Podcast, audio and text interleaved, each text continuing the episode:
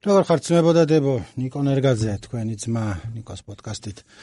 გიბრუნდებათ ხერაშია საქმე რაზე ვილაპარაკებთ დღეს ან რაზე არ ვილაპარაკებთ იდეაში ხო გავედით ბოლოში კორონავირუსის პანდემიის ამბებში და პანდემიის ხო კაი მახველო და შევიკავე თავი ტრანსპორტი გაიხსნა და მეთქის სტუმარს მოვიყვანთ ხო შეთანხმებული ვიყავი რომ მეგობართან ერთად რაღაცებს უნდა გველაპარაკა ხა აღმოჩნდა რომ მეგობარი ვეღარ მოდის.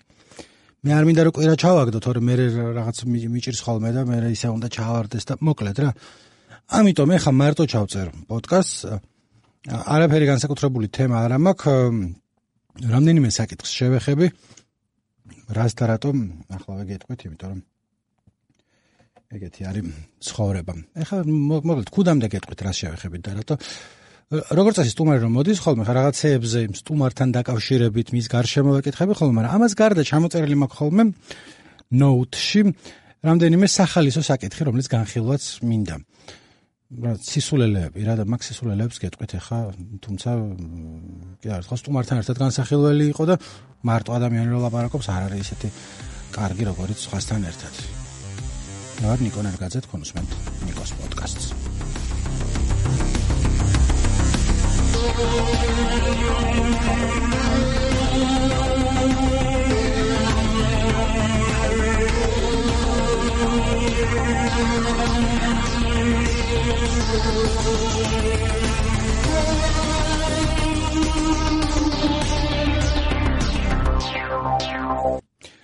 ხო და რა ვიცი. მოკლედ კიდევ ერთხელ ეს ტიპონტია რომ სტუმარი მოდის ხოლმე მე რაღაცებს მე იმას ვალაპარაკებ და თან ნუ გზა და გზა რომ ეს გავხურდეთ რა არაფერთან დაკავშირებულ თემებზე.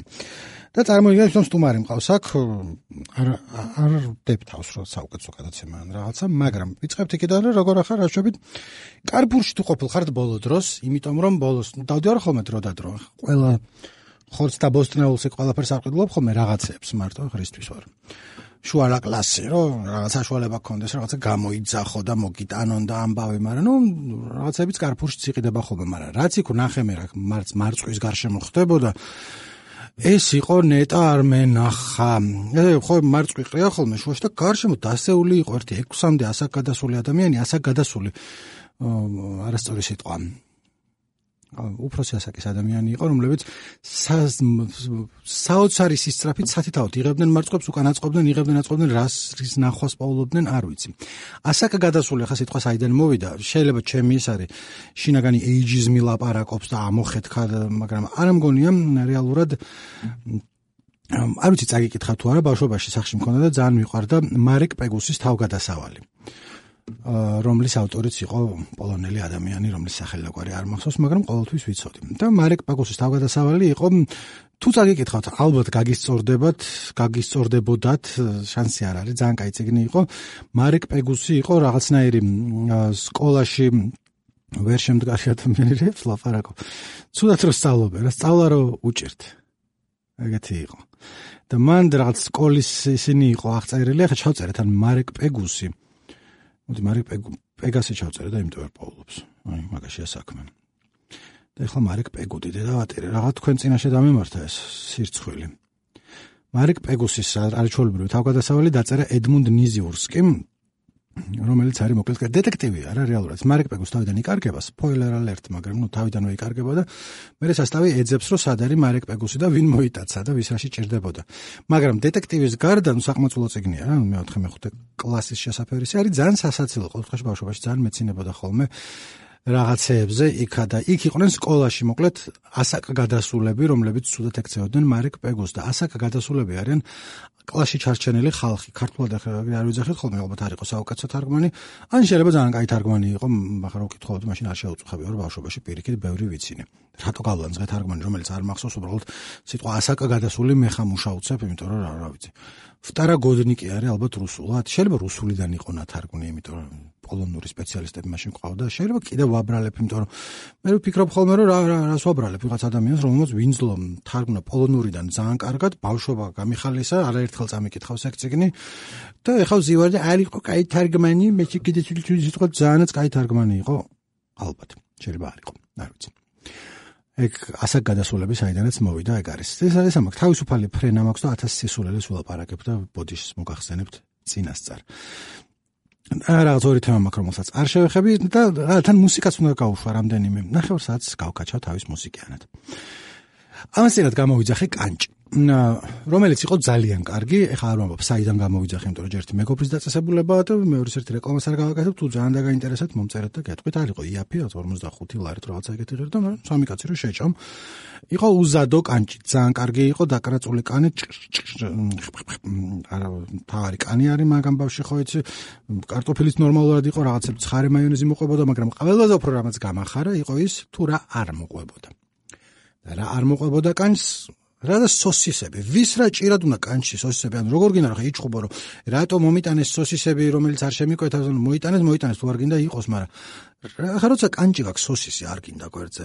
რისთვის არის სოსისი რისთვის არის და მე რამჩემ მეგობარს ვისიც არის ეგ დაწესებულება დაურეკე შეუქმეთ კი რა кай კანჭი გქონდა თქო და რა კარგია რომ სოსისები არ არის და რატო არის სოსისები ხო არ იცი თქო და პატარა კვლევა მაგ ჩატარებულიო ესე თქო ალბათ ეხლა საჯარო ბიბლიოთეკაში არის და როგორც ხვდები ვიღაცას კითხა და იმან უპასუხა ასე რომ არ ვარ დარწმუნებული რომ ბოლომდე რუდუნებით და გამოწრელობით აქვს აქ საკითხი გამოკვლეული მაგრამ რაც თქვა მე ჭყვასთან ახლოს მომეჩვენა რომ თავის დროზე როდესაც კანჭები გამოჩნდა ჩვენთან იყო ძალიან ზვირი იმ დროისთვის. ანუ კანჭი შედარებით იაფი გამოდის სამი კაც თუ გაიყობ მაგრამ ნუ აა მაშინაც ეგრე ღირდა რა 30-40 ლარი ალბათ და ესე ხომ დამამატე არ ვიცი რა ხარ და მაშინ როცა თავიდან გამოჩნდა. მოკლედ ძვირი იყო და ამიტომ მარკეტინგი ქონდა ესე რომ ეს არის 4-5 კაცის ან 6 კაცის საჭმელი და 6 კაცს არ ყოფნის ახლა კანჭი. კი დიდი არის და 4 სუბუქად დანაყრებულ ადამიანს ეყოფა მაგრამ ნუ ეგრეც არ არის საქმე რა მაგრამ რო გააბევრო ამიტომ სოსისებს რაღაცებს ამატებ და ამიტომ ამართლებდნენ ხოლმე თავის დიდ ფას კანჭისას whatever ხო გითხარით, გაცილებთ უკეთესეს სტუმართან ერთად ამას რო განიხილავ ხოლმე და მე გითხავ რომ შენაც ფიქრობ კანჭს მე ვეგეტარიანელი ვარ, არ ვიცი სტუმარი, თუ ვეგეტარიანელი ვარ. მაშინ ჩამეშლებოდა მთელი ეს საუბარი. ეხა ამაზე აღმოჩინეს სიმღერა, რომელზეც რადიო თასვლოვაზე მაგ ხოლმე რას მოусმინოთ. ეგეთი რუბრიკა, კვირაში ერთხელ რაღაცებს წერ ხოლმე, რას უნდა მოусმინოთ, თქოთ ვერ გავიგე რა რუბრიკა მაქვს, იმიტომ რომ ყოველთვის სახე ვერ უპოვე, ხანდახან პლეილისტ ვაკეთებ ხოლმე, ხანდახან ამას სიმღერას მოვისმენ და გიზიარებთ იმასთან დაკავშირებით არ აქვს ბოლომდე ჩამოყალიბებული სახე, მაგრამ ეგრე მომწონს რა, ეგრე ჯობია, მე მგონი ვიდრე ყველაფერი ჩამოყალიბებული ხო არ იქნება, ყველაფერი დასრულებული ხო არ იქნება. და მოკლედ ერთი კვირის წინ აღმოაჩინე ეს სიმღერა, რომელიც არ არის ერთი კვირის წინანდელი, არის 70-იან წლების სიმღერა არის ელ სტიუარტი, არ ვიცი გაგიგიათ თუ არა, ესეთი ბრიტანელი ფოლკ ტიპი არის, ლენონის ახლობელი იყო, პოლ საიმონისთან ერთად უცხოვრია რაღაცა და იმისი სიმღერაა Year of the Cat. რომელზეც სერიოზულად ძალიან გააფანატა. რომელზეც შევჯეკ. და ახლა მოგესმენებ თქვენ, ანუ გასმენებ თუ კომ არა, ხათან ლაპარაკობ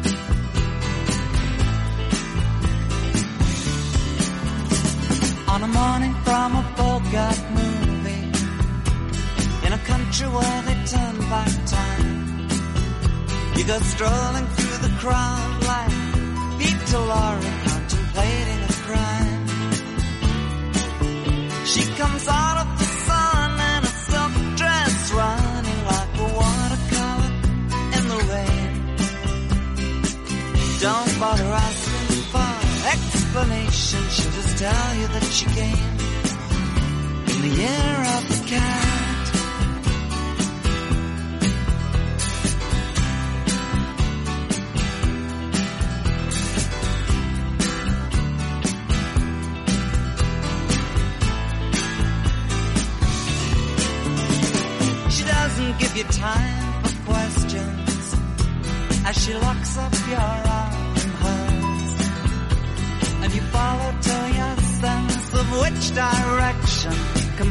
disappears.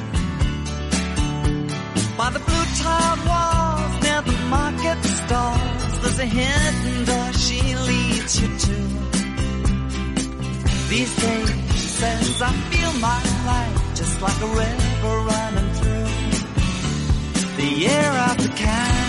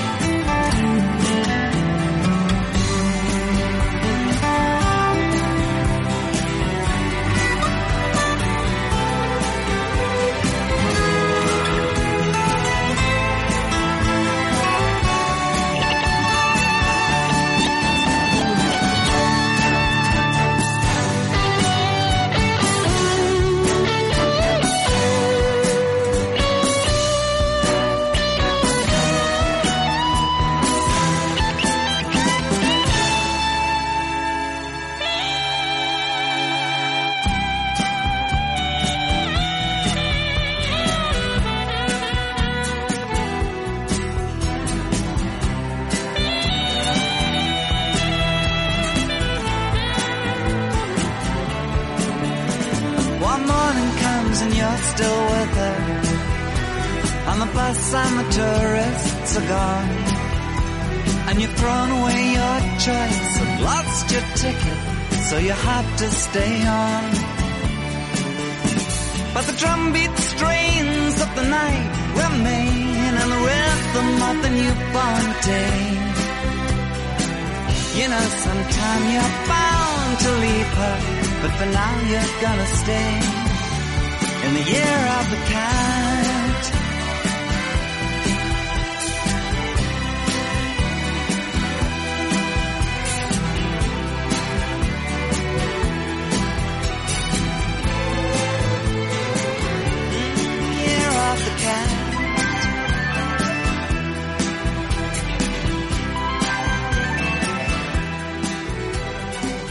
საყვარელი სიმღერა შეიძლება პირველ ჯერზე ისე არ გაგისწორდეს, უბრალოდ კლასიკური ძველი სიმღერები რო ახალმე მაგის დუხზე არის, მაგრამ რავი არ მესმის რა უნდა მოусმენო და ეს თავიდან არ გაგერა. რაღაცნაირი ესეთი ნოსტალგიური სიმღერა არის. აა ყოჩა ღალსტი ვარ ყოჩა. არ ვიცი რა არის Year of the Cat, მაგრამ კარგი დრო კი არის. რამდენიმე ვიდეო შევხედე YouTube-ზე ამისას სიმღერის ჩანაწერია, უბრალოდ საუკეთესო ხარისხის მინდოდა შემერჩია და თან ყვით კომენტარებს კითხულობდი.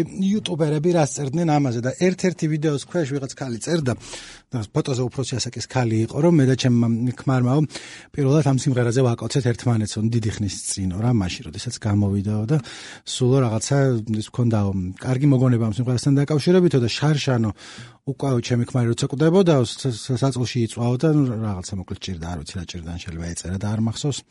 და ეს ტელევიზორი გამორთეთა მოწყენილი ქონდა რადიო იყო ჩართული და მოულოდნელად ეს სიმღერა გაიჩითავ და რაღაცა ისე იყო შევხედეთ ერთმანეთსო და მივხვდით რომ ეს ყოფილა ჩვენი ცხოვრებაო და ჩვენი ურთიერთობაო რომ მაგ ამ სიმღერით დაიწყო და ამითვე დასრულდებოდა მალევე იმიტომ რომ მოკვდებოდა ის კაცი და ძალიან დავსევდიანდი არ ძალიან მართალი ამბავია. ხო იცი ხო ინტერნეტში რა წერია ხოლმე არაფერს არ ვენდობი მაგრამ გულე ამეჩუყდა და მიჩივლეთ თუ გინდა. ასევე ცოტა ხანში ერთ სიმღერას გავუშვებ მაგრამ სიმღერას ქვია Town of No Pity მაგრამ არ მახსოვდა სახელი ზუსტად და ჩავწერე City of No Pity YouTube-ზე.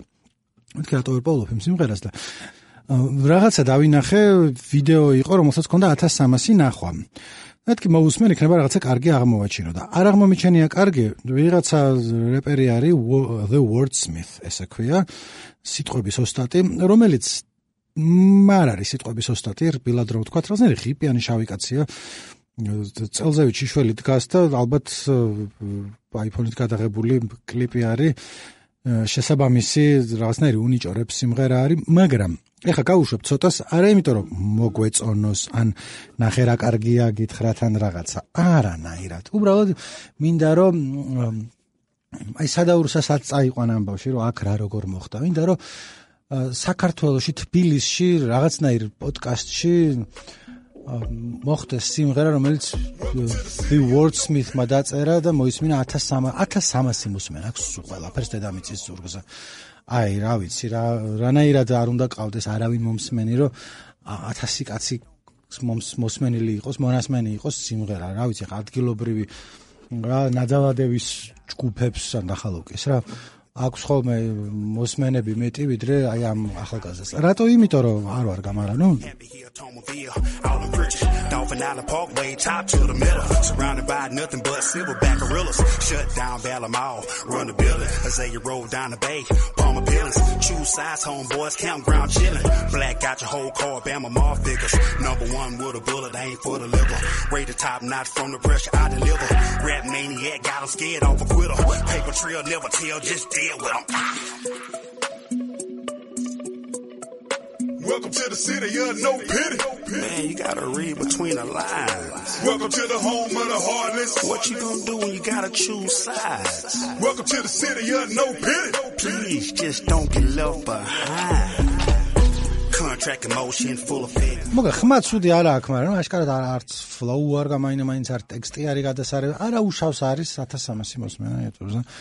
მაგრამ ჩვენ მაინც მოვისმენთ და ეხა ვიცით და ეხა გყრავს ეს ცოდნა The Wordsmith-ის City of No Pity-ს, რომელიც არაფერში გვადგია საერთოდ. ეხა შევცვლი ძალიან სწრაფად საუბრის თემას, მაგრამ ხომ არ გგონიათ რომ ფილმი Leon Leoni, Leon Killer-ი, Leon უბიცა ჩვენ ბავშვობაში ცნობილი ძალიან ცუდად დაძველდა. ძალიან ცუდად დაძველდა. იგულისხმება რომ გამოვიდა ფილმი, ნანახი გეკნებათ, ხო? კილერი რო არის და პატარა კოკოს რო დაუმეგობრდება და მე ერთად მოძრაობენ აქეთ-იქით ის ლუკ ბესონის ფილმია. ძალიან ცნობილი ლეონ პროფესიონალი რომელი წლის არის? თქო 14 წლის ფილმი ყოფილა, ახლა ჩავხედე. ჟან რენო, ნატალი პორტმანი სულ პატარა, გარი ოლდმენი, ეს კაი კასტი აქვს.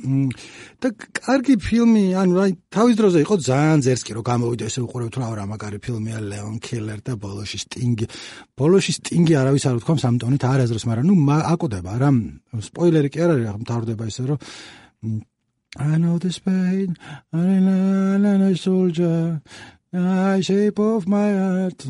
არ ვიждებ მაქსიმღერას, მაგრამ მაგას ძალიან უხდება რა. მოკლედ იმის თქმა მინდა რომ ფილმი არის რეალურად რაღაცნაირი სასიყვარულო ურთიერთობა არის, ერთ-ერთი ხაზი ეგ არის აი ამ კილერთან, ჟან რენოსთან, რომელიც ცოტა შშმ პირია, ანუ თლად თლად გაწონასწორებული და ნორმალური არის რაღაცა ჭირს, არ ვიცი მოკლედ.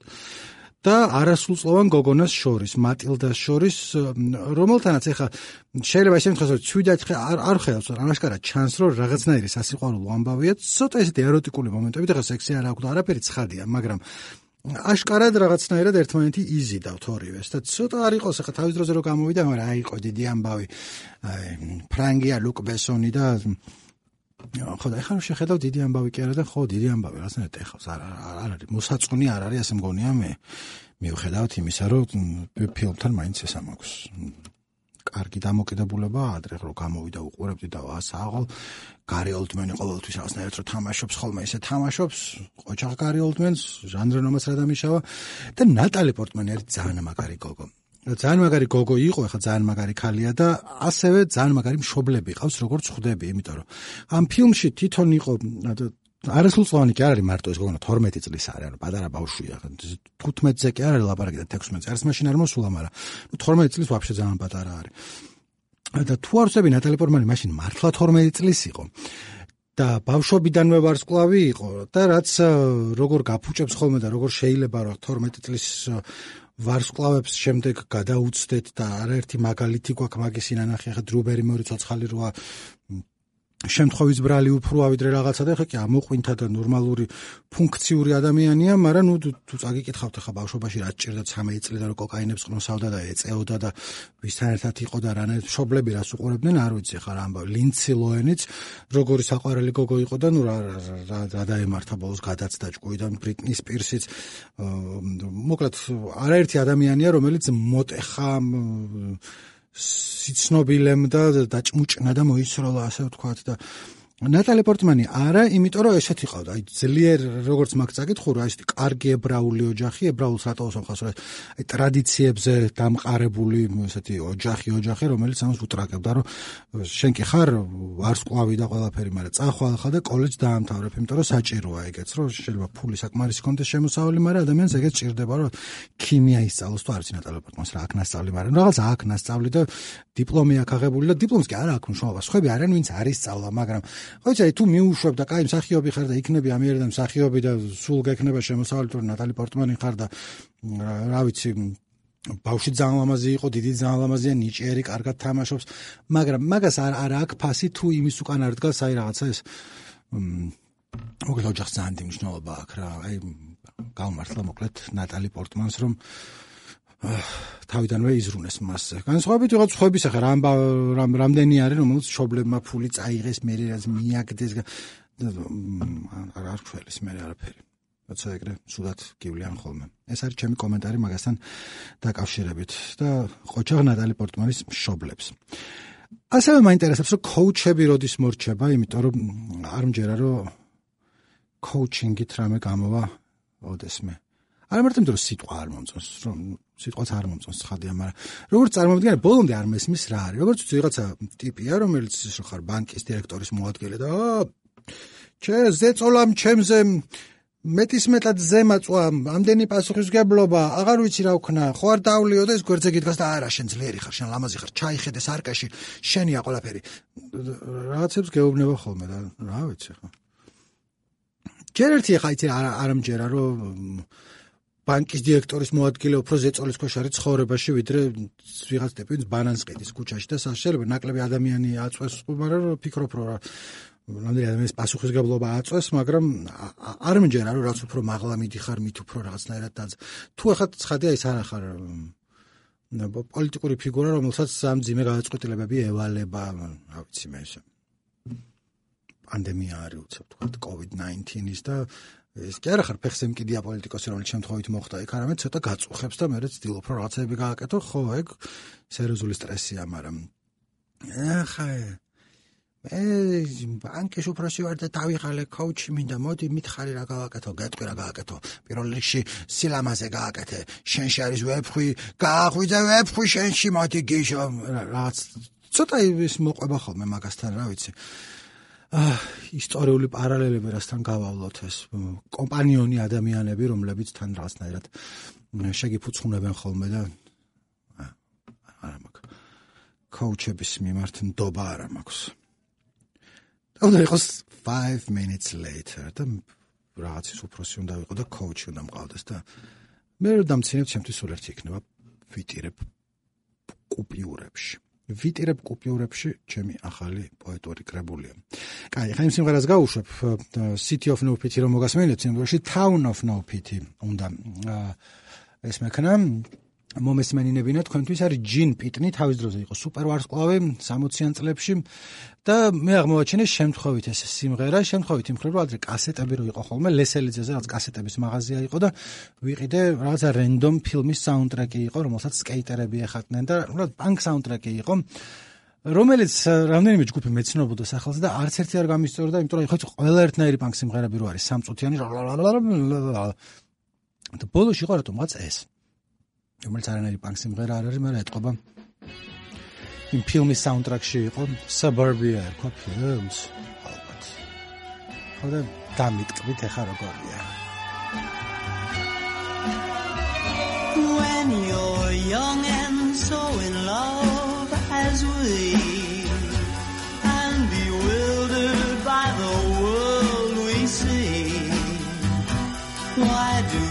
people hurt us so Only those in love would know what a town without pity can do. If we stop to gaze upon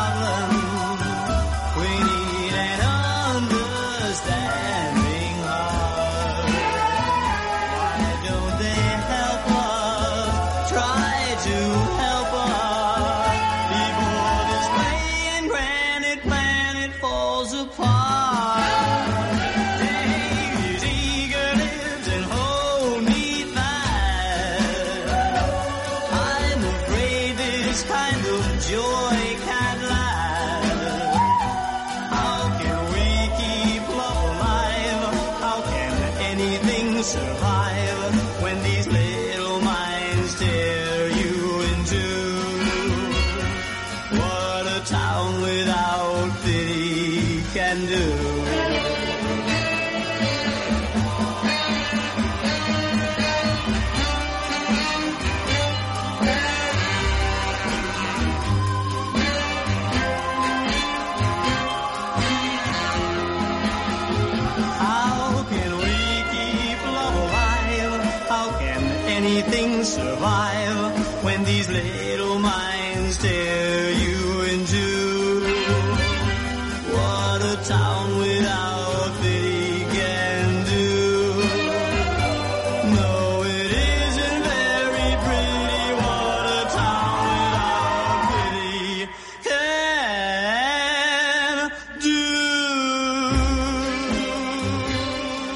აი სიმღერა, ეხლა ვფიქრობდი რამ ხელა მნიშვნელობა აქვს კონტექსტს, როგორ მოისმენ სიმღერას და რანაირად აღიქვა, ანუ რა სამფრო. აი სიმღერა იყო პანკ სიმღერების კასეტის სულ ბოლოში, ანუ ორი ერთი გვერდი და ბოლოში ეს და უცებ რაღაც ამოვისუნთქე ერთი ანუ რას განსხვავებული იყო იმ ფონზე რაც იყო, მაგრამ მეორე რომ აი ეს დანარჩენი პანკ სიმღერები კი არ მომეწონა, მაგრამ კონტექსტი მომცა რომ ესეც cool სიმღერა არის და შეიძლება რაღაც cool სასტავთან ერთად იყოს რაღაც ახალგაზრდა სკეიტერა ტიპებთან, ანუ იმის თქმა უნდა რომ ყოფილიყო კასეტა 60-იანი წლების ჰიტების და სულ ყოფილიყო რაღაც მსგავსი ჟანრის რაღაცები, ალბათ ვერ დავაფასებდი საერთოდ და არც მეცადინებოდა და იქ რაღაცნაირად სხვანაირად მოიტანა. ამიტომაც არის, ანუ DJ-ის საქმე ხო ერთ-ერთი ეგ არის გველაპარაკია მაგაზე. რეკონტექსტუალიზაცია მუსიკის, რამე თუ თქვა ერთ სიმღერას რაღაც სხვა ორ სიმღერას შუა რო გავუშვებ, სხვანაირი მუღამი აქვს და კიდე სულ სხვა ორ სიმღერას შუა თუ გავუშვებ, შეიძლება სხვანაირად მოიტანოს. აი რა ვიცი როგორ თქვა რომ ახლა საღამოს თუ ზიხარ და მეგობარმა ჩართო სად მივყევართ მატარბლის ლიანტაქს სად მიქრიან ჭრელი ქოლგის ლიგები ალბათ შეიძლება არ გაგისწორდეს მაგრამ არ გასულა 3 საათი მთვალი ხარ რაღაცები არის ჩართული bring it back bring it back საცეკავ რამეები რა.